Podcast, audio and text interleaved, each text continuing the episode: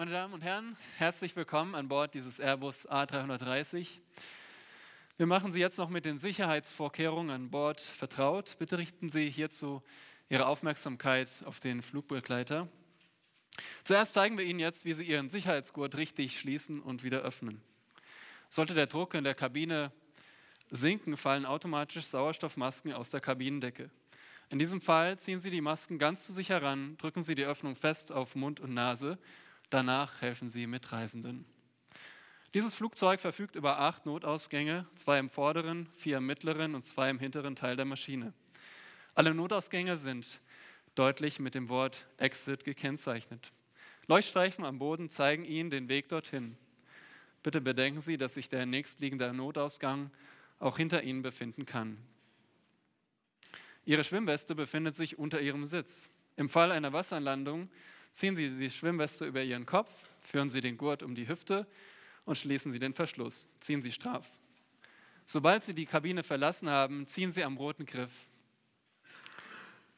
um die Weste aufzublasen. Falls erforderlich, benutzen Sie auch die roten Mundschläuche. Eine Signallampe leuchtet automatisch im Wasser auf.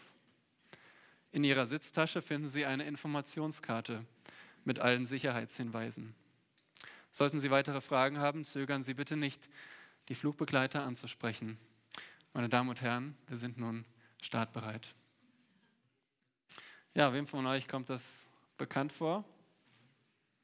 Ja, das sind die Sicherheitshinweise vor einem Linienflug.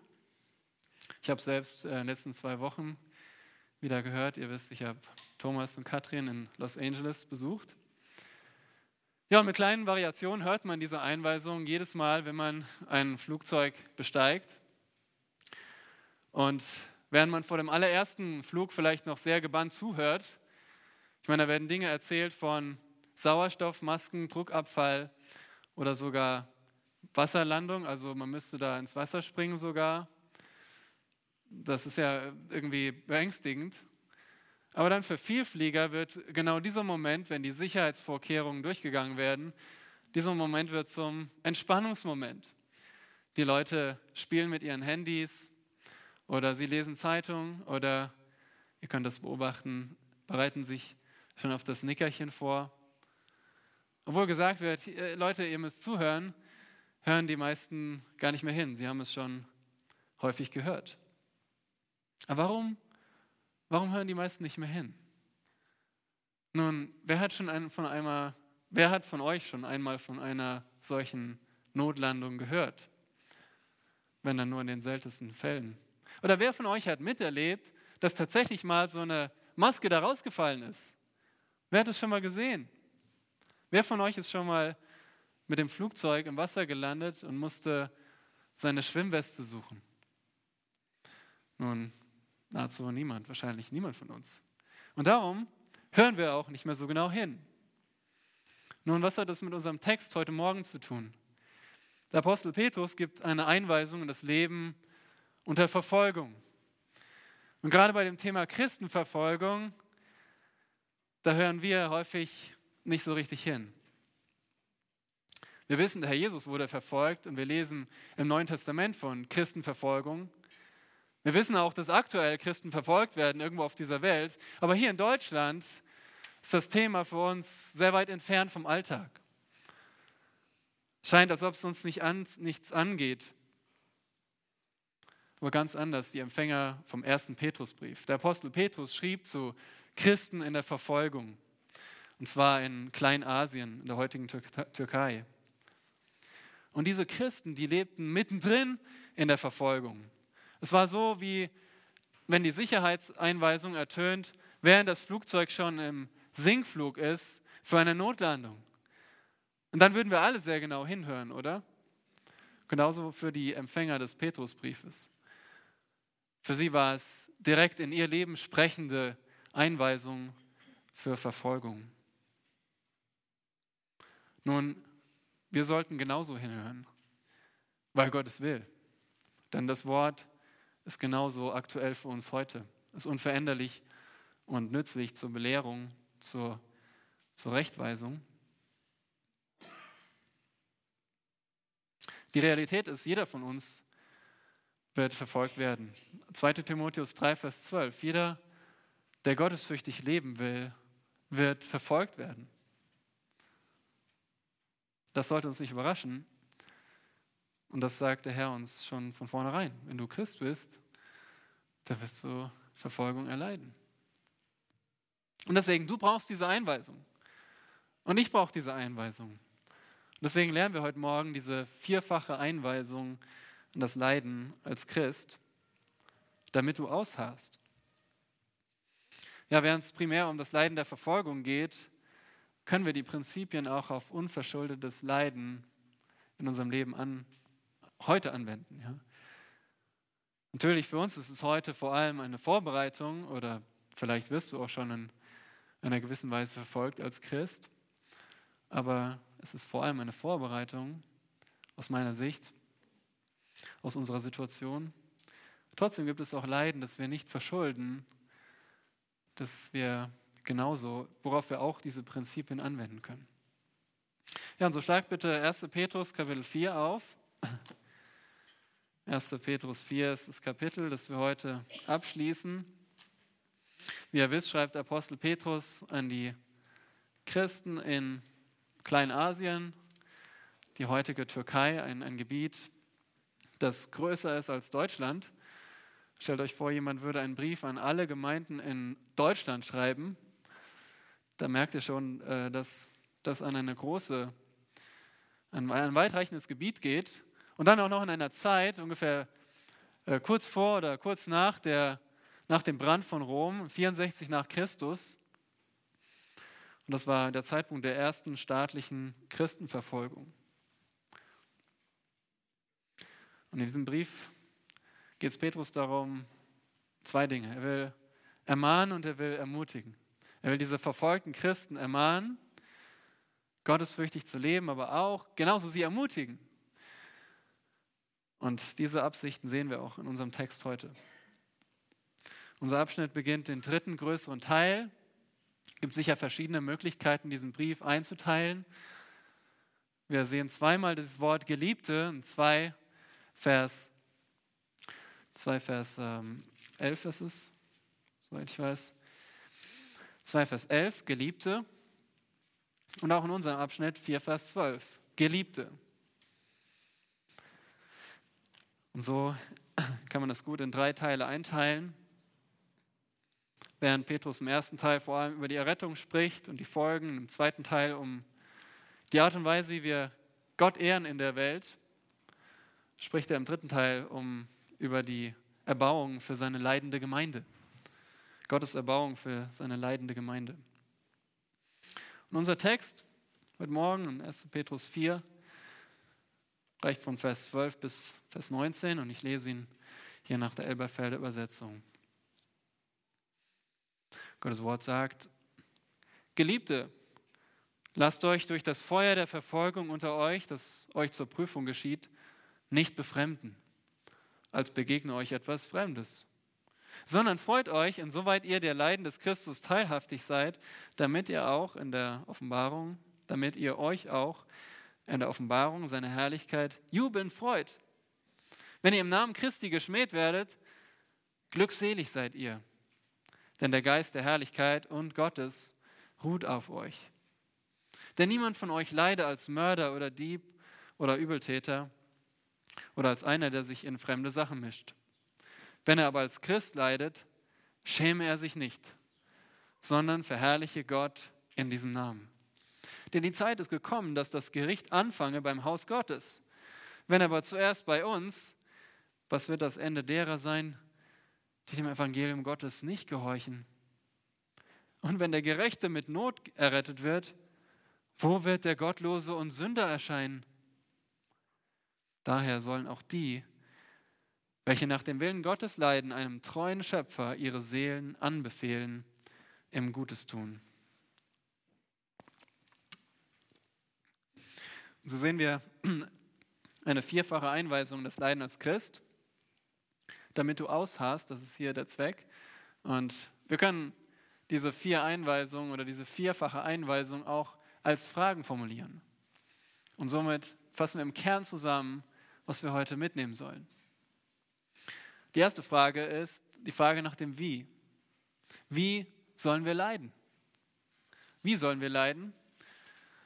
Und die Antwort Petrus in Versen 12 bis 14 ist mit Freude. Mit Freude. Also die erste Frage ist die Frage nach der Haltung. Äh, wie sollen wir es nicht machen und wie sollen wir es machen? Wie sollen wir nicht leiden, wie sollen wir leiden? Und hier gibt Petrus zunächst den Kontrast zwischen dem Verwundern und dem Freuen. Ihr seht es hier in Vers 12. Er sagt, schaut in eure Bibel, daher sagt er, gibt er diesen Befehl, Geliebte, ihr geliebten Glaubensgeschwister, lasst euch nicht befremden. Und das Wort kennt ihr schon, wenn ihr euch erinnert an die Predigt, nun ist schon ein bisschen her, Kapitel 4, Vers 4. Ihr könnt auch einfach zurückgehen und da seht ihr, dass es darum ging, wie die Gläubigen im ungläubigen Umfeld sich abgesondert haben durch ihr Verhalten. Und da steht, hierbei befremdet es sie, dass ihr nicht mehr mitlauft in demselben heillosen Schlamm. Petrus beschreibt das äh, Leben ohne Gott, das Leben für die eigenen Lüste als einen Schlamm. Und davon halten sich die Gläubigen fern. Und das befremdet die Ungläubigen um sie herum. Genauso heute. Ich habe gesagt, wir sind wie so ein Fremdkörper in der Gesellschaft.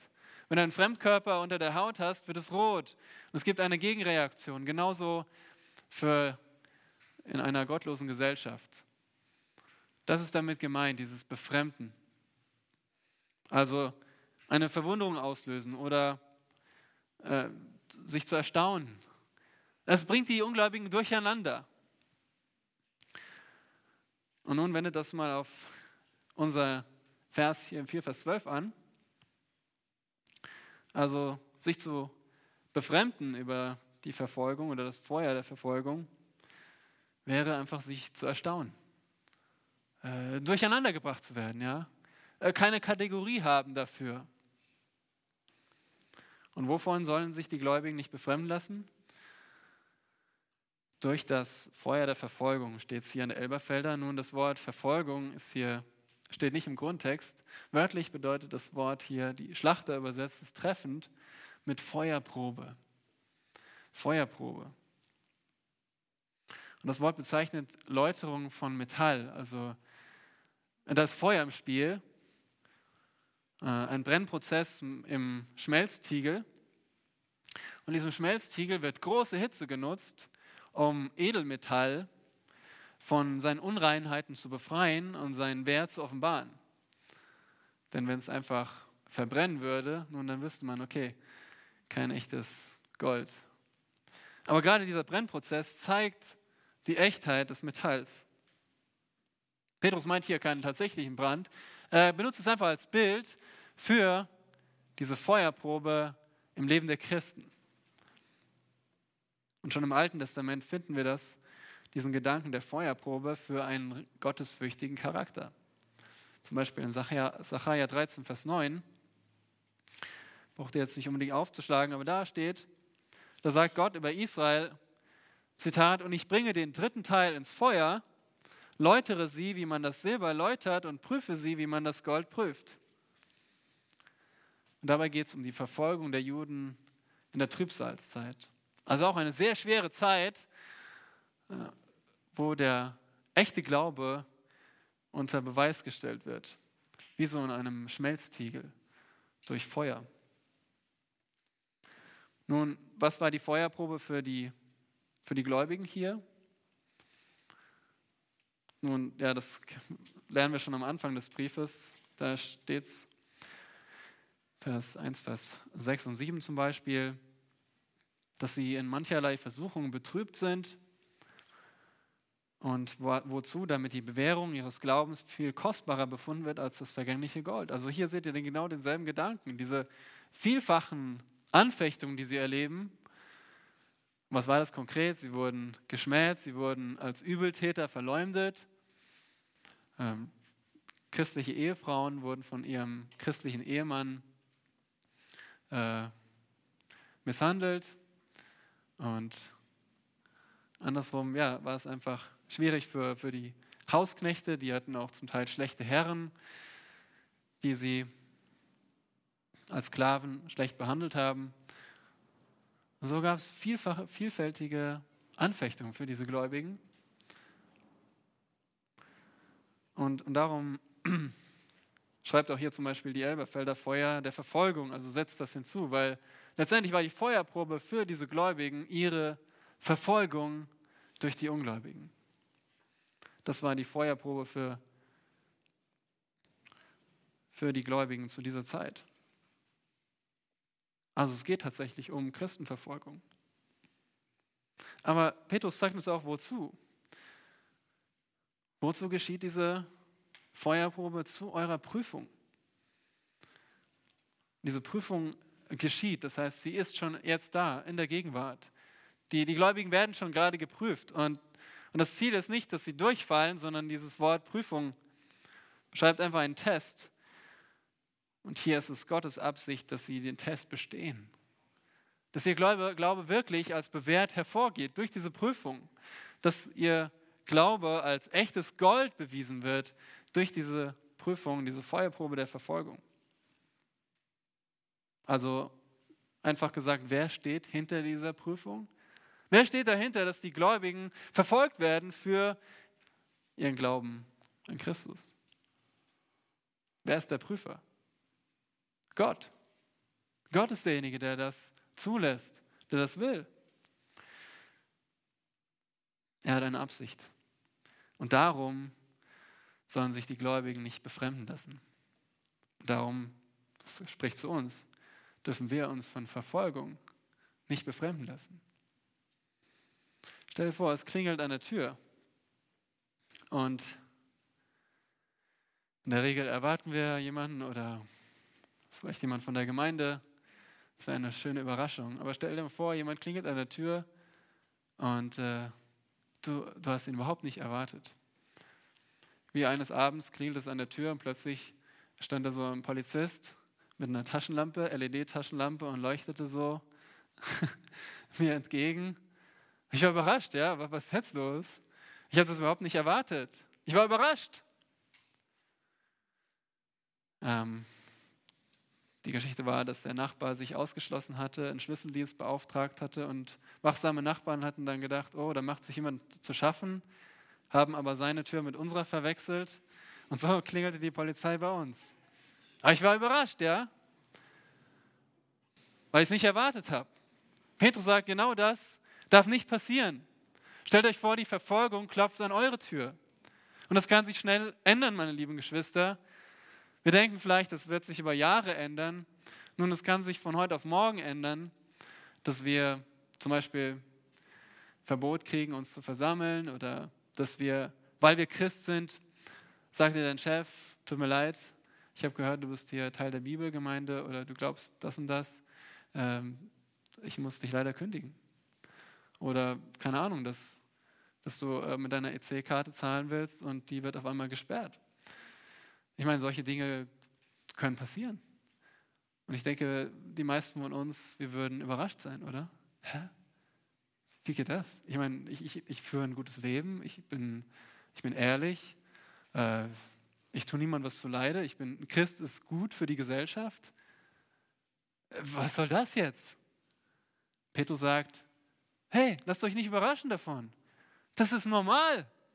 Nur für uns erscheint es nicht normal, dass sowas passiert, weil wir es nicht für möglich halten. Und deswegen spricht dieser Text genau zu uns. Wir müssen bereit sein dafür. Wir dürfen uns nicht überraschen lassen, wenn es passiert. Wir dürfen uns von Anfechtungen um des Glaubens willen nicht verwundern lassen. Warum? Unser Herr und Meister hat es selbst vorausgesagt. Und jetzt dürft ihr selbst mal aktiv werden. Schlagt mal Johannes Kapitel 15 auf. Johannes 15 ist die Abschiedsrede des Herrn mit seinen Jüngern im Obersaal, dort in Jerusalem. Der letzte Abend, bevor er verhaftet und am nächsten Tag gekreuzigt wird. Da Jesus kreist, kreist nicht in seinen Gedanken nur um sein eigenes Leid, er denkt an seine Jünger. Er gibt ihnen wichtige Dinge mit, unter anderem hier in Johannes 15, Vers 18 bis 21. Er sagt ihnen, als Jünger Jesu Christi, als Nachfolger Jesu. Wenn die Welt euch hasst, so wisst, dass sie mich vor euch gehasst hat. Wenn ihr von der Welt wäret, würde die Welt das ihre lieben. Weil ihr aber nicht von der Welt seid, sondern ich euch aus der Welt erwählt habe, darum hasst euch die Welt. Gedenkt des Wortes, das ich euch gesagt habe. Ein Sklave ist nicht größer als sein Herr. Wenn sie mich verfolgt haben, werden sie auch euch verfolgen. Wenn sie mein Wort gehalten haben, werden sie auch das eure halten. Also was haben wir gelesen? Wenn sie mich verfolgt haben, den Herrn Jesus, werden sie auch euch verfolgen. Das ist logisch. Und es darf uns nicht verwundern. Vielmehr müsste uns verwundern, dass wir hier in Deutschland so unbehelligt unser Christenleben führen können. Also Ungläubige können nicht anders, als sich über Gläubige zu wundern, aber Gläubige dürfen sich nicht über ihre Verfolgung wundern. Also wie sollen wir leiden? Nicht mit Verwunderung, aber, und jetzt kommt der Gegensatz, mit Freude. Wie bitte mit Freude? Wie kann ich mich über Verfolgung freuen? Wenn ich geschmäht werde, werde wenn vielleicht meine Familie mir weggenommen wird. Nun, bevor wir urteilen, lasst uns zuerst den Text verstehen. Petrus sagt, freut euch, Vers 13, insoweit ihr die Leiden des Christus teilhaftig seid. Insoweit drückt den Grad aus. Also zu dem Grad, wie wir Anteil an den Leiden des Christus haben, können wir uns freuen. Und hier geht es bei den Leiden des Christus natürlich nicht um sein ein für alle Mal vollständig abgeschlossenes Sühnopfer am Kreuz. Das ist vorbei. Das ist ein für alle Mal vollbracht. Daran haben wir keinen Anteil. Also was bedeutet das, dass wir Anteil haben an den Leiden des Christus? Nun, wie hat Christus gelitten? 2 Vers 18, Kapitel 2 Vers 18 wird den Haussklaven, die leiden, gesagt, dann Vers 21, hierzu seid ihr berufen worden, zum Leiden für Gutes tun, denn auch Christus hat für euch gelitten und durch ein Beispiel hinterlassen damit ihr seinen Fußspuren nachfolgt. Okay, also es geht äh, hier nicht darum, dass wir Gottes oder Christi Leiden vervollständigen, sondern dass wir dem Vorbild Jesu Christi nachfolgen. Sein Leiden.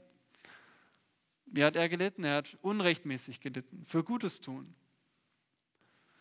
All das lesen wir hier in 2, Kapitel 2, 18 bis 25. Und wir sollen auf dieselbe Art und Weise leiden dann haben wir Anteil an den Leiden des Christus. Also stell dir vor, jemand schmäht dich, weil du Christ bist. Nicht, weil du unfreundlich bist, sondern weil du sagst, ich bin Christ und du erklärst ihm das Evangelium und du wirst dafür auf übelst Weise beschimpft.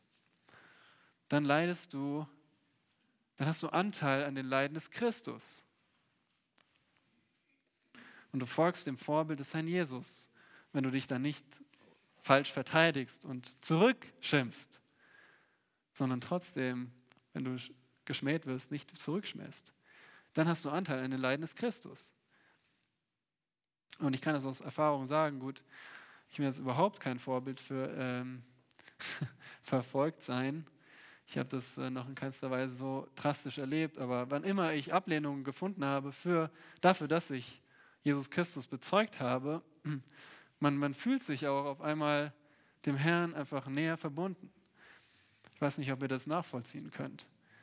Aber man weiß, Herr, ich, ich stehe zu dir. Ich erleide das jetzt, weil ich äh, zu dir gehöre. Und ähm, auch wenn ich jetzt, wenn sich dadurch irgendeine Kluft zu Mitmenschen entstanden ist, sehen wir uns doch äh, näher am Herrn. Nur jetzt von unserer Empfindung her. Natürlich sind wir ihm nie, können wir ihm nie näher sein, als wir schon sind durch die Versöhnung, die wir haben. Ja, aber warum sollen wir ihn nachahmen und uns darin freuen? Schaut mal weiter im Vers, heißt es damit, Vers 13, seht ihr das damit? Damit ihr euch auch in der Offenbarung seiner Herrlichkeit jubeln freuen könnt oder jubeln freut. Und damit richtet Petrus den Blick auf die zukünftige Freude, ja? Das zweite Kommen Jesu Christi, wenn er wiederkommt, dann werden wir noch viel größere Freude haben. Dann werden wir uns jubeln freuen, sagt er hier. Jetzt ist Freuen, okay. Aber dann ist Jubeln Freuen. Habt ihr vielleicht gestern gesehen, wie die Spieler von Borussia Dortmund gejubelt haben, als sie gewonnen haben. Oder andere auch nicht, aber auch diese Freude ist nur von kurzer Dauer. Irgendwann gibt es wieder neue Spiele und da kann die Freude schnell der Trauer weichen. Diese Freude hier ist unvergänglich. Das ist eine jubelnde Freude, die andauert. Und wir können uns dieser Freude gewiss sein, wenn wir uns jetzt schon in Leiden um Christi willen freuen können. Das ist hier die Logik.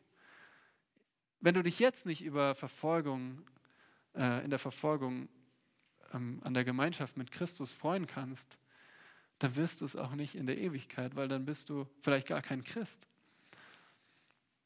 Petrus sagt aber, wenn du das erfährst, dass du, obwohl du verfolgt wirst, obwohl du jetzt für Christus verfolgt wirst, wenn du, wenn du da diese Freude haben kannst, obwohl die Umstände gar nicht dafür sprechen, wenn du jetzt diese Freude empfinden kannst, weil du weißt, ich bin mit Christus, äh, ich halte ihm die Treue, ich bin mit ihm in Gemeinschaft, dann wirst du auch, weil du ein echter Christ bist, in der Zukunft dich jubeln freuen können. Das ist hier die Logik. Und das haben die Apostel der ersten Gemeinde genauso erlebt. Zum Beispiel in Apostelgeschichte 5, kennt vielleicht die Geschichte, sie werden verhaftet, die Apostel, sie werden ins Gefängnis gesetzt, ein Engel befreit sie und am nächsten Morgen stehen sie wieder im Tempel und predigen weiter. Nun, die Tempeldiener bringen sie wieder vor den Hohen Rat und dort verkündigen sie wieder das Evangelium. Sie sind jetzt in Todesgefahr die Sadduzäer wollen sie töten, aber ein Pharisäer hält sie davon ab. Und so werden sie nicht getötet, sondern nur, nur in Anführungsstrichen geschlagen. Und was lesen wir dann in Apostelgeschichte 5, Vers 41? Und sie gingen mit gesenktem Haupt voller Trauer nach Hause. Nein, sie nun gingen aus dem Hohen Rat fort, voller Freude, dass sie gewürdigt worden waren, für den Namen Schmach zu leiden. Wow, sie haben sich dafür gefreut. Sie waren keine Masochisten, aber sie haben sich gefreut, dass sie dadurch mit Christus Gemeinschaft haben in seinen Leiden. Ihr merkt schon hier, dieser erste Punkt ist ziemlich vollgefüllt, aber ich hoffe, ihr beginnt zu verstehen, warum wir überhaupt Freude haben können in Verfolgung. es geht noch weiter. Eine weitere Motivation, Vers 14, da sagt Petrus, wenn ihr im Namen Christi geschmäht werdet, glückselig seid ihr, denn der Geist der Herrlichkeit und Gottes ruht auf euch. Wenn ihr geschmäht werdet, ist hier nicht eine Möglichkeit, sondern eine Realität. Im Griechischen kann man das so ausdrücken, einen Bedingungssatz verwenden, der eigentlich eine Realität beschreibt. Es traf auf sie zu, äh, sie wurden verbal verfolgt. Ihr könnt das im ganzen Brief nachlesen, wie sie geschmäht wurden, als Übeltäter verleumdet wurden, beschuldigt, öffentlich gedemütigt. Warum? Im Namen Christi steht hier, weil sie sich mit Christus identifizierten. Und Petrus sagt, ihr seid glückselig. Hä? Wie geht das? Warum? Die Antwort ist hier, denn denn der Geist der Herrlichkeit und Gottes ruht auf euch. Das ist hier ein und derselbe Geist, das ist der Heilige Geist. Er beschreibt ihn als den Geist der Herrlichkeit und dann fügt er erklärend hinzu und der Geist Gottes. Also der Heilige Geist ist der Geist der Herrlichkeit, er ist Gottes Geist. Und was bedeutet uns der Geist Gottes in unserem Leben? Und das ist wirklich wichtig zu verstehen. Äh, wenn du jetzt denkst, okay, Verfolgung könnte kommen, jederzeit, äh, ich, ich bin gar nicht so der Held. Ja? Ich bin eigentlich eher so der Angsthase, der sich dann zurückkriechen würde. Und ich weiß gar nicht, ob ich überhaupt am Glauben festhalten würde. Ich meine, ich habe ja selbst, schon Probleme, wenn mich Familienangehörige oder Kollegen darauf ansprechen. Wisst ihr, wenn, wenn du den Heiligen Geist hast, wenn du wiedergeboren bist, dann brauchst du dir überhaupt keine Sorgen machen weil der Geist Gottes ruht auf dir. Der Geist Gottes ist unser Beistand in jeder Lebenslage.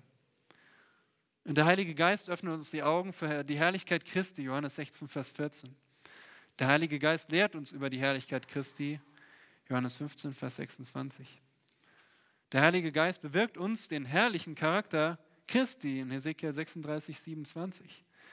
Und der Heilige Geist, der Heilige Geist ist der Garant für die zukünftige Herrlichkeit, die wir erfahren werden. Zum Beispiel Epheser 1, Vers 14.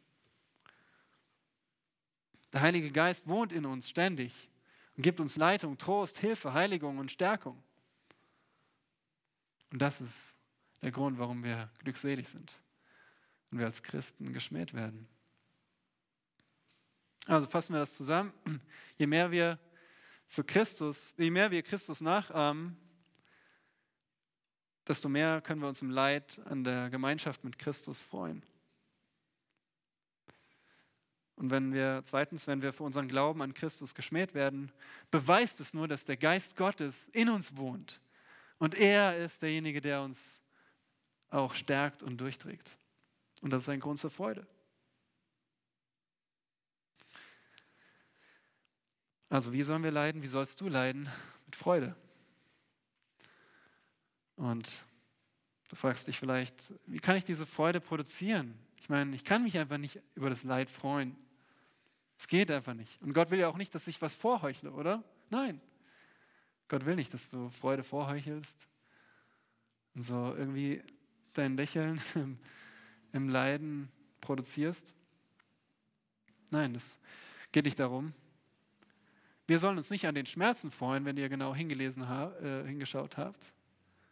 Wir freuen uns nicht an den Schmerzen oder an der Verfolgung, sondern freut euch insoweit ihr der Leiden des Christus teilhaftig seid. Deine Freude findest du in der Gemeinschaft mit Christus. Deine Freude findest du in der zukünftigen Herrlichkeit bei Christus. Und deine Freude findest du in der Gegenwart des Heiligen Geistes in dir. Also such da deine Freude im Leiden als Christ. Und das war die erste, ja, zugegebenermaßen langer Teil der ersten Einweisung. Denn das, die Frage nach dem Wie, wie sollen wir leiden? Die nächste Frage ist das Wofür. Wofür sollen wir leiden? Und das können wir eigentlich sehr schnell verstehen. Wir sollen für Christus leiden. Petrus gibt jetzt einen Befehl in Bezug auf den Grund. Denn es kommt auch darauf an, wofür uns Menschen verfolgen oder Leid zufügen. Nicht, weil es unsere Taten verdienen, sondern ohne Verschulden. Das Denn stellt hier den Bezug zum vorangegangenen Vers dar. Also die Freude am Leid hängt davon ab, dass du für die richtigen Dinge leidest, okay? Das ist sehr wichtig. Du musst für, die, für den richtigen Grund leiden. Sonst ist es ja alles hinfällig, was wir eben gesagt haben. Petrus gibt uns zwei Möglichkeiten. Entweder wir leiden für die richtigen Gründe oder wir leiden für die falschen Gründe. Und er gibt uns vier Beispiele für einen falschen Grund zu leiden. Und die seht ihr hier in Vers 15. Wofür sollen wir nicht leiden? Nicht als Mörder. Und die ersten drei hier sind eindeutige Sünden. Ja, nicht als Mörder zu leiden. Mord ist Kapitalverbrechen, das steht hier an erster Stelle. Und das wäre eindeutig falsch, wenn du als Mörder verhaftet und verurteilt wirst. Zweitens ist nicht als Dieb. Diebstahl ist genauso unmissverständlich eine Straftat. Selbst wenn ihr Ungläubige fragt, äh, ist Diebstahl immer falsch? Ja, klar. Und das dritte, nicht als Übeltäter.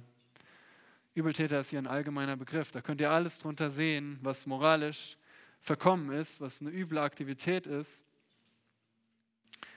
Aber diesen drei eindeutigen Sünden steht eine andere Kategorie gegenüber. Und zwar wird es nochmal abgehoben mit dem Wörtchen als. Ihr seht das in eurer Bibel, oder? Als Mörder oder Dieb und dann oder als. Das wird nochmal hervorgehoben. Als einer, der sich in fremde Sachen mischt. Und im Griechischen ist das ein Wort, aber es ist ein sehr seltenes Wort und in den Übersetzungen wird es einfach umschrieben, weil es einfach keinen Begriff dafür gibt. Das Wort, das griechische Wort setzt sich zusammen aus jemandem anderes gehören und Aufseher. Das heißt, in anderen Worten, jemand, der sich zum Aufseher über die Angelegenheiten von anderen Menschen macht. Jemand, der andere Menschen ausspäht oder sich unrechtmäßig einmischt. Also ein Einmischer, der taktlos handelt. Und Petrus beschreibt hier nicht unbedingt einen Verbrecher, das ist nicht etwas Kriminelles, sondern etwas, was einfach ein soziales Ärgernis ist. Jemand, der andere Leute verärgert und zur Feindschaft reizt. Nun sicher sehen wir auch in der Schrift ein biblisches Einmischen.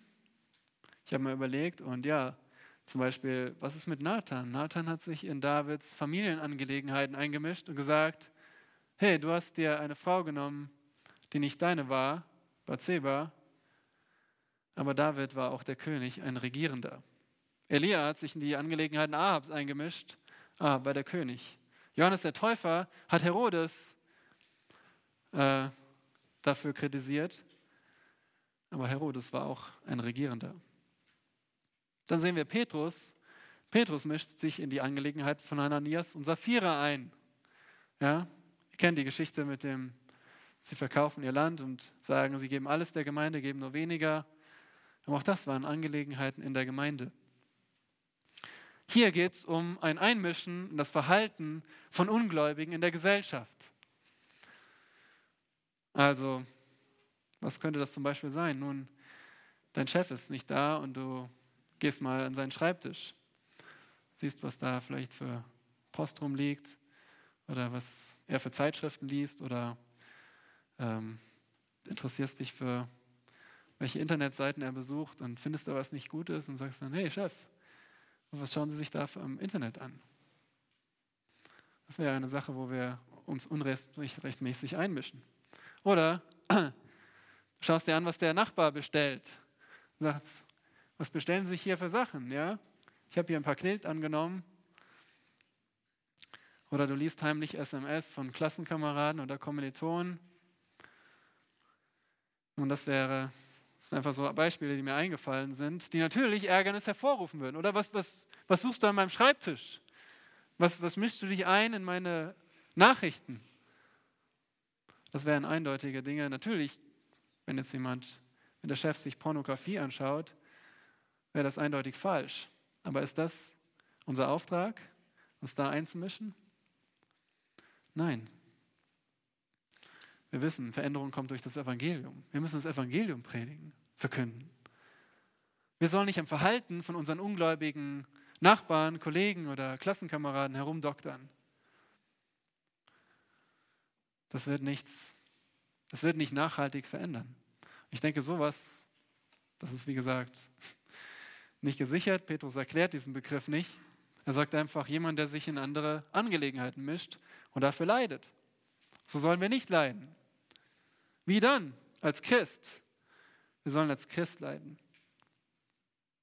Und ratet mal, wie häufig das Wort Christ im Neuen Testament vorkommt. Genau dreimal. Wir nennen uns Christ, kommt nur dreimal vor. Und der Grund dafür ist, das Wort Christ haben sich die Christen nicht selbst gegeben, sondern die Bezeichnung Christ wurde ihnen von außen gegeben. Es wurde ihnen von den Menschen außerhalb der Gemeinde gegeben und bedeutet einfach Anhänger der Christusgruppe oder Christuspartei oder Nachfolger von Christus. Das bedeutet Christ. Und so wurden die Gläubigen von außen gesehen. Das unterschied sie von Juden und Heiden. Sie sind Christ, diesem Christus nachgefolgt. Und so haben die Menschen verstanden, dieser Mensch hat irgendwas mit Christus zu tun. Und jetzt geht es um das Leiden dafür, dass du dich mit Christus identifizierst. Und Petrus sagt, das ist der richtige Grund. Genau das ist der, das ist der Grund. Dann ist dein Leiden ein Leiden, ja, das, das Gott gefällt, wenn du als Christ leidest. Aber da kommt es auch auf die Einstellung an. Das, wenn ihr weiterlest, Vers 16. Wenn er aber als Christ leidet, was soll er tun? Zwei Dinge. Schäme er sich nicht. Aber wir sollen uns nicht schämen. Schämen bedeutet sich entehrt fühlen, ja, wie wenn jemand sagt, hey, du bist ein Weichei. Würdet ihr das gerne annehmen, diesen Begriff? Alex, du bist ein Weichei. Ah, ich bin kein Weichei, Mann. Ich bin ein Mann. Genauso, wenn dich jemand Christ nennt, streitest du das ab? Schämst du dich dafür? Fühlst du dich dann entehrt? Oder ist es für dich, ja, ich bin Christ. Ich liebe Christus. Wir sollen uns nicht schämen. Und zweitens, wir sollen Gott verherrlichen in diesem Namen. Und wer ist dieser Name hier in Vers 16? Als Christ, also der Name Christ. Dafür sollen wir uns nicht schämen. Und in diesem Namen sollen wir Gott verherrlichen. Christus ist natürlich, Christ ist mit Christus verbunden. Also in anderen Worten, schämt euch nicht für Christus. Stattdessen repräsentiert ihn in der Öffentlichkeit, preist ihn, imitiert ihn, und bezeugt ihn. So verherrlichen wir Gott in diesem Namen,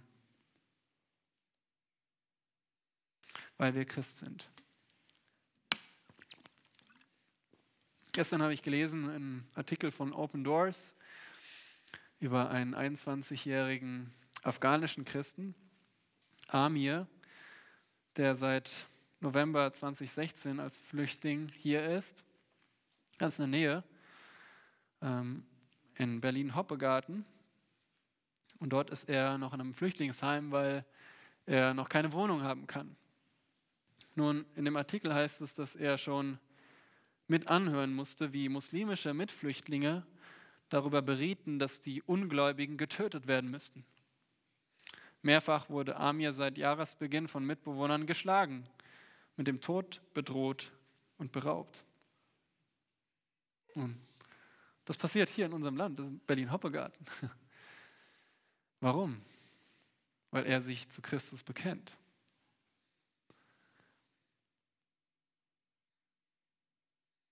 Weswegen erfährst du Abneigung? Lass uns das fragen. Weswegen sind uns andere Menschen abgeneigt? Warum ärgern sich nicht Christen an dir? Sind es vielleicht die ersten vier Gründe? Und klar, wir sind alle keine Mörder, aber wissen, der Herr Jesus sagt, wir können auch Mörder im Herzen sein, wenn wir andere Menschen hassen. Oder du sagst, ich bin kein Dieb. Nun, wir können auch unsere Arbeitszeit klauen, Urheberrecht klauen und dafür leiden. Oder allgemein Übeltäter sein im Sinne von gemein sein, unfreundlich sein, ein Verkehrsraudi sein, als Steuerhinterzieher leiden. Ist das der Grund, warum du Abneigung erfährst? Oder weil du dich einmischst, weil du ausschließlich das Verhalten von Ungläubigen kritisierst? Oder erfährst du Abneigung, weil du Christ bist? Weil du eine konträre Weltanschauung hast? Weil du freundlich bleibst, aber ganz klar sagst, Gott, der Gott der Bibel existiert und sein Wort ist wahr. Und Christus ist der Sohn Gottes. Er ist dein Herr und dein Richter. Und du musst zu ihm umkehren. Und du musst glauben, um vor der ewigen Verdammnis befreit zu werden. Was? Das kann doch nicht sein. Ich meine, jeder soll, du kannst für dich zwar glauben, habe ich erst gestern wieder gehört. Ja, ist ja schön, dass sie glauben, aber ich meine, jeder muss halt glauben, was er für richtig hält. Sagen wir nein. Es geht nicht darum, dass wir unsere Meinung hier austauschen. Es geht darum, ich sage Ihnen das Wort Gottes, die Wahrheit. Und Sie müssen diese Wahrheit glauben. Weil das sage ich nicht mit meiner Autorität, sondern Gott sagt es ihnen. Und wenn wir dann leiden, leiden wir als Christ. Und das ist die Frage nach dem Wofür. Wofür sollen wir leiden? Als, äh, für Christus. Die dritte Frage ist, wo, äh, warum sollen wir leiden? Interessant, oder? Wir häufig sagen wir als Christen, dürfen diese Frage gar nicht stellen. Warum? Warum leide ich jetzt? Interessant, in unserem Text finden wir eine Antwort.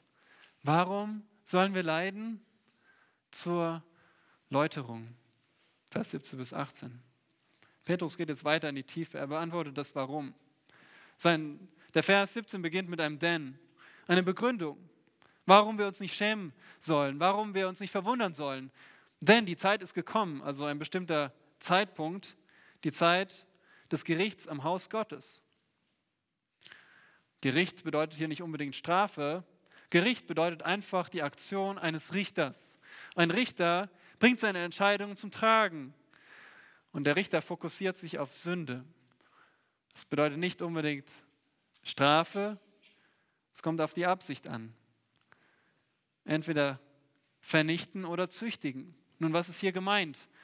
Petrus erinnert an die Prophezeiung in, im Alten Testament, Malachi 3, Vers 1 bis 3, verheißt der Prophet, dass der Herr selbst zu seinem Tempel kommt in der Manier eines Silberschmelzers um in bildlicher Weise die Leviten, die Diener des Tempels, zu läutern wie das Gold und das Silber. Also der Herr selbst hat verheißen, seine Diener zu läutern, damit sie ihm angenehme Opfer bringen. Äh, nicht mit dem Zweck der Vernichtung, sondern mit dem Zweck der Reinigung. Und ich glaube genauso hier auch in 1. Petrus 4, Vers 17. Das Gericht hat begonnen beim Haus Gottes, nicht um es zu vernichten, sondern um es zu reinigen. Gott will ein reines Haus Gottes. Und wie in anderen Stellen bezeichnet das hier die Gemeinde, nicht das Gemeindegebäude unbedingt, sondern die Gemeinde als Familie, als Hausgenossen, als die Gemeinschaft der Gläubigen, die sich versammelt, also wir. Und Gottes Ziel mit der Gemeinde kennen wir. Er will eine heilige Gemeinde. Und darum beginnt er jetzt mit dem Gericht der Läuterung seiner Gemeinde. Schon seit 2000 Jahren. Denn ziemlich bald, nachdem die Gemeinde gegründet wurde, zum Pfingsten, begann die Verfolgung. Zum Beispiel lesen wir davon in Apostelgeschichte 8. Die Gemeinde wurde zerstreut. Schon von Anbeginn bringt der Herr Verfolgung, um seine Gemeinde zu reinigen. Und diese Läuterung ist hier die Feuerprobe von Vers 12. Die Anfechtung, die die Gläubigen erlitten. Die Verfolgung aufgrund ihres Glaubens. Samuel Lamb, ein verfolgter Pastor in China, sagt einmal, ein Christ, der nicht durch Leid gegangen ist, gleicht einem Kind ohne Erziehung. Und so ist es zwar nicht angenehm, aber doch entscheidend zu wissen, warum wir als Christen leiden. Nicht zur Vernichtung, sondern zur Reinigung. Ganz anders mit Ungläubigen. Und jetzt macht Petrus das Argument vom Geringeren zum Größeren. Er sagt, die Zeit ist gekommen, dass das Gericht anfange beim Haus Gottes. Wenn aber zuerst bei uns, was wird das Ende derer sein, die dem Evangelium Gottes nicht gehorchen? Die Antwort liegt auf der Hand. Wenn wir als Gläubige jetzt schon 2000 Jahre so schmerzhaft gelitten haben unter Verfolgung, was wird erst das Ende sein für Ungläubige, wenn Gottes Zorn sie trifft? Nicht auszumalen. Petrus sagt, ungläubige Menschen sind solche, die dem Evangelium Gottes nicht gehorchen. Ihr seht vielleicht in der Schlacht da nicht glauben, das Wort heißt nicht gehorchen. Die Frage ist so entscheidend. Hast du dem Evangelium Gottes gehorcht. Denn das Evangelium ist die gute Nachricht, der eine schlechte Nachricht vorangeht. Die schlechte Nachricht davon, dass wir aufgrund unserer Sünde verdorben sind. Dass wir Verdammnis verdienen, weil wir gegen Gottes Gesetz handeln. Und zwar nicht nur nicht, weil wir dazu gezwungen werden, sondern weil wir es wollen. Wir sind in unserem Herzen verdorben. Wir brauchen Vergebung und Erneuerung. Und die gute Nachricht ist, dass Gott schon von Anbeginn an einen Erlöser verheißen hat.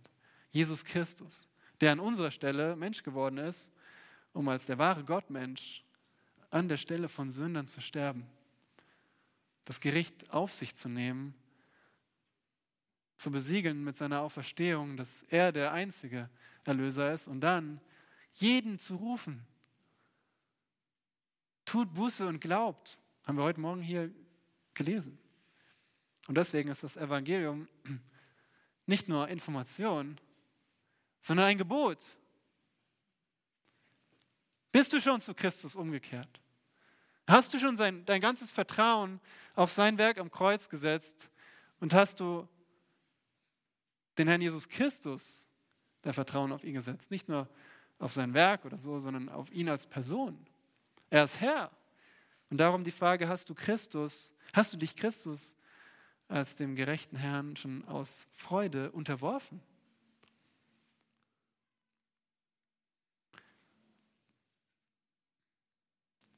Warum ist diese Frage so dringlich?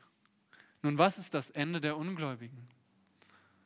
Ihr Leben, das ist, äh, ist nicht schön, darüber zu sprechen, aber es ist ungeheuer wichtig.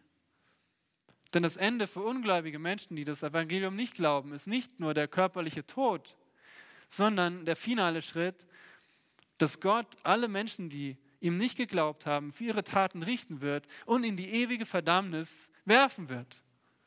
Weil er heilig ist, weil das seinem heiligen Charakter entspricht. Sünde, Hochverrat gegen den allerhöchsten Gott mit der allerhöchsten Strafe zu belegen. Und dieses Gericht wird furchtbar sein. Aber er ist ein und derselbe Gott. Und ein und dieselbe Hand gebraucht zwei Instrumente. Entweder die Route der Züchtigung für seine Gläubigen oder das Schwert der Vernichtung für Ungläubige. Aber damit nicht genug. Äh, Petrus fährt weiter fort und sagt, setzt noch eins obendrauf mit einer weiteren rhetorischen Frage. Wenn der Gerechte mit Not gerettet wird, wo wird der Gottlose und Sünder erscheinen? Wahrscheinlich hat er Sprüche 11, Vers 31 vor Augen. Siehe dem Herrn, siehe dem Gerechten wird auf Erden vergolten. Wie viel mehr dem Gottlosen und Sünder? Das ist derselbe Kontrast. Auf der einen Seite die Gerechten. Das sind nicht Menschen, die von Anfang an gerecht sind, sondern die gerechtfertigt sind durch den Glauben an Christus und jetzt gerecht leben. Auf der anderen Seite Gottlose und Sünder. Es beschreibt ein und dieselbe Person. Ein Gottloser verwirft Gott und darum lebt er als Sünder in seinem ähm, Ungehorsam gegen Gott. Wie wird die Zukunft aussehen für Gerechte und Gottlose? Petrus sagt, wenn der Gerechte mit Not gerettet wird, das meint nicht, dass die Errettung am seidenen Faden hängt. Es ist nicht nur, wir werden vielleicht nur irgendwie so beinahe gerettet. Nein, mit Not bedeutet einfach, äh, beschreibt den Grad der Schwierigkeit. Also der Gerechte wird mit Schwierigkeit gerettet. Welche Schwierigkeiten? Die leiden um des Glaubens willen. Also es geht um die zukünftige Errettung. Unser Heil ist schon durch Jesu Werk erworben. Wir sind gerettet, wenn wir glauben aber wir warten immer noch auf die Erlösung von diesem Leib, von, von der Sünde. Und das ist die zukünftige Errettung. Und bis wir da hinkommen, müssen wir durch eine Zeit des Leidens hindurch. Das beschreibt Petrus mit Not. Aber wenn unser Weg dorthin schon mit Schwierigkeiten behaftet wird, wie wird erst das Ende derer sein, die dem Evangelium Gottes nicht gehorchen, die Ungläubigen? Wo wird sich der Gottlose wiederfinden? Petrus gibt nicht die Antwort, aber die Antwort liegt auf der Hand. Nicht im Reich Gottes, nicht in der Herrlichkeit, nicht beim Freudengesang, nicht in Frieden, nicht bei Gott, sondern in der Verdammnis. Das wie ein Flugzeug in Not, ja, das, das kontinuierlich an Höhe verliert. Und einige Passagiere haben schon vorher den angebotenen Fallschirm angenommen. Und sie müssen jetzt diesen Schritt tun. Ich habe es noch nie gemacht, äh, vom Flugzeug abzuspringen in der richtigen Höhe mit Fallschirm. Aber sie tun es und landen irgendwann auf dem Boden. Die Frage ist aber, was wird mit den Passagieren, die den angebotenen Fallschirm abgelehnt haben? Nicht auszudenken. Das ist genau die Frage, die Petrus hier stellt. Ja, Gläubige haben schon Schwierigkeit, Wo werden die Ungläubigen erscheinen? Also was hat das mit uns zu tun? Nun, wir, wir sollen nicht fluchen, nicht murren über das Leiden. Nicht fragen, warum? Sondern wir sollen uns fragen, okay, wovon will mich, will mich der Herr reinigen durch dieses Leid? Kann auch Krankheit sein, ja. Wovon will mich der Herr reinigen? Im Sinne von Sünde. Und dann ist es heilsam zu denken, wie wird es erst für meine ungläubigen Nachbarn oder Angehörigen oder Schulkameraden oder Kollegen sein? Ich meine, wer wünscht ihnen das gerechte Gericht Gottes? Niemand von uns. Und darum ist es erneut eine Aufforderung für uns, eine Motivation zu ihnen zu sprechen, das Evangelium zu sagen. Denn nichts anderes ist für sie dieser Fallschirm, den sie annehmen müssen. Also wir haben uns gefragt, das Wie, das Wofür, das Warum. Die letzte Frage ist, was sollen wir im Leid tun? Ganz einfach. Was, was soll ich jetzt tun im Leiden? Was soll ich tun in der Verfolgung? Petrus fasst nun mal alles zusammen, Vers 19. Vertrauen auf Gott. Und das sagt er, er sagt es, ihr seht es hier, daher sollen auch, also dieses daher auch sagt, ich fasse jetzt mal alles zusammen. Was ist die Schlussfolgerung aus dem, was ich sagen will? Er sagt, dass, dass die, welche nach dem Willen Gottes leiden, einem treuen Schöpfer ihre Seelen anbefehlen sollen. Also die, die nach dem Willen Gottes leiden, und das haben wir schon an anderer Stelle gesehen. 2 Vers 19, 3 Vers 17. Wenn du für Gutes tun leidest, ist es der Wille Gottes. Ganz einfach. Das ist Gottes Plan.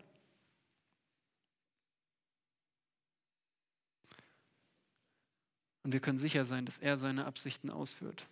Was sollen wir in diesem Leid tun? Wir sollen unsere Seelen anbefehlen. Das ist hier keine Empfehlung, sondern eine Aufforderung. Du musst das tun. Du musst deine Seele Gott anbefehlen. Und Seele meint hier uns als ganze Person. Also mit allem, was wir sind, sollen wir unserem Schöpfer uns anbefehlen. Und so wunderbar, dass Petrus hier Schöpfer verwendet, weil der Schöpfer ist derjenige, der alles gemacht hat, der über allem steht, der alles kontrolliert. Er ist der Designer, aber auch der Lenker und Planer. Er ist stärker als jedes Leid und er bestimmt das Maß des Leidens. Er ist wie der Arzt, der Schmerzen zufügt, um gute Absichten auszuführen. Ich meine, stell dir vor, der Arzt muss irgendwie deine Schulter einrenken. Du sagst, nein, tut weh. Da willst du immer so rumlaufen oder wie? Nein, er muss Schmerzen zufügen, damit seine gute Absicht zum Tragen kommt. Genauso ist es mit Gott. Er ist der treue Schöpfer. Die Frage ist, vertraust du ihm? Wenn ja, dann befiehlst du dich ihm an. Anbefehlen ist ja ein Begriff aus dem Bankwesen. Seine, du machst es jedes Mal, wenn du eine Überweisung tätigst. Du vertraust dein Geld dieser Bank an. Genauso sollen wir uns im Leid Gott anvertrauen. Die Frage ist, wie drückt sich das aus? Ich meine, wir sprechen oft von, ich will Gott vertrauen. Aber Vertrauen ist immer praktisch. Und das sagt Petrus hier. Wie? im Gutes tun. Das heißt, wenn du wirklich im Leiden Gott vertraust, dann wird dein Fokus sein, was kann ich jetzt Gutes tun? Und das, dazu könnt ihr den gesamten Brief lesen. Als, als Untertan ordnet ihr euch dem Staat unter. Als Ehefrauen ordnet ihr euch dem Mann unter, egal ob er gläubig ist oder nicht. Natürlich auch andersrum. Und also nicht die Unterordnung, aber dann liebt ihr eure Frauen als Ehemänner. Sagt Petrus, wohnt mit ihnen mit aller Einsicht. Als Angestellte ordnet ihr euch dem Chef unter und ihr seid einfach jedem gegenüber barmherzig, demütig. Ihr vergeltet nicht Böses mit Bösem. Ihr tut Gutes. Das ist euer praktische Ausführung von Gottvertrauen im Leiden. Daran merkst du, ob du wirklich Gott vertraust. Wenn du wie Jesus nicht schmähst, und nicht drohst, dich nicht sorgst, sondern Gutes tust. Und sicher hilft dir auch, was Paul Gerhardt geschrieben hat im Leid in seinem Lied Befiehl du deine Wege. In der siebten Strophe heißt es, auf, auf, gib deinem Schmerze und Sorgen gute Nacht. Lass fahren, was das Herze betrübt und traurig macht. Bist du doch nicht Regente, der alles führen soll. Gott sitzt im Regimente und führet alles wohl. Er ist im Regiment.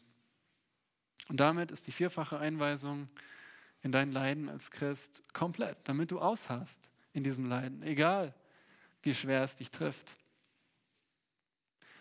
Meine Brüder und Schwestern, willkommen auf der Pilgerreise zur seligen Ewigkeit. Unser Handgepäck ist hier vergänglich, unser Erbe dort ist unverweslich. Unser Versagen hier ist täglich, unsere Vollkommenheit im Himmel unendlich.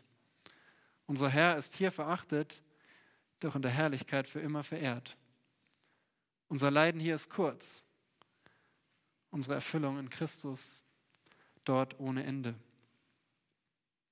Petrus schließt seinen Brief, Vers 10. Das will ich uns auch zurufen. Der Gott aller Gnade aber, der euch berufen hat zu seiner ewigen Herrlichkeit in Christus, er selbst wird euch, die ihr eine kurze Zeit gelitten habt, vollkommen machen, stärken, kräftigen, gründen. Ihm sei die Macht in Ewigkeit. Amen.